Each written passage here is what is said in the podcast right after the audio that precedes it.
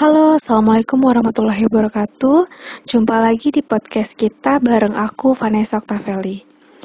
Podcast kali ini masih bagian dari episode rangkaian kata kita. Uh, seperti yang kita tahu, bumi kita sedang tidak baik-baik saja. Begitupun dengan Indonesia.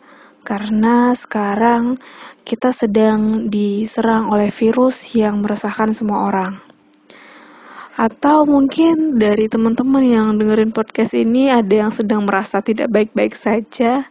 Nah, di kesempatan kali ini aku bakal bacain rangkaian kata-kata untuk menguatkan kalian yang sedang tidak baik-baik saja. Rasa tidak nyaman itu datang saat kelopak mata mulai terbuka di pagi hari. Gelisah, hampa tidak tahu harus berbuat apa. Yang selama ini kau doakan, dari kemunculan fajar hingga bulan mulai menunjukkan eksistensinya, ternyata harapan dan doaku yang hina bertentangan dengan rencananya. Sang Maha Kuasa. Aku bisa apa? Rasa kecewa?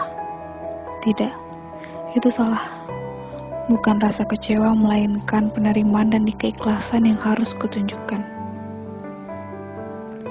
Semua orang pernah tidak baik-baik saja, tapi tidak semua orang mampu meredam rasa kecewa.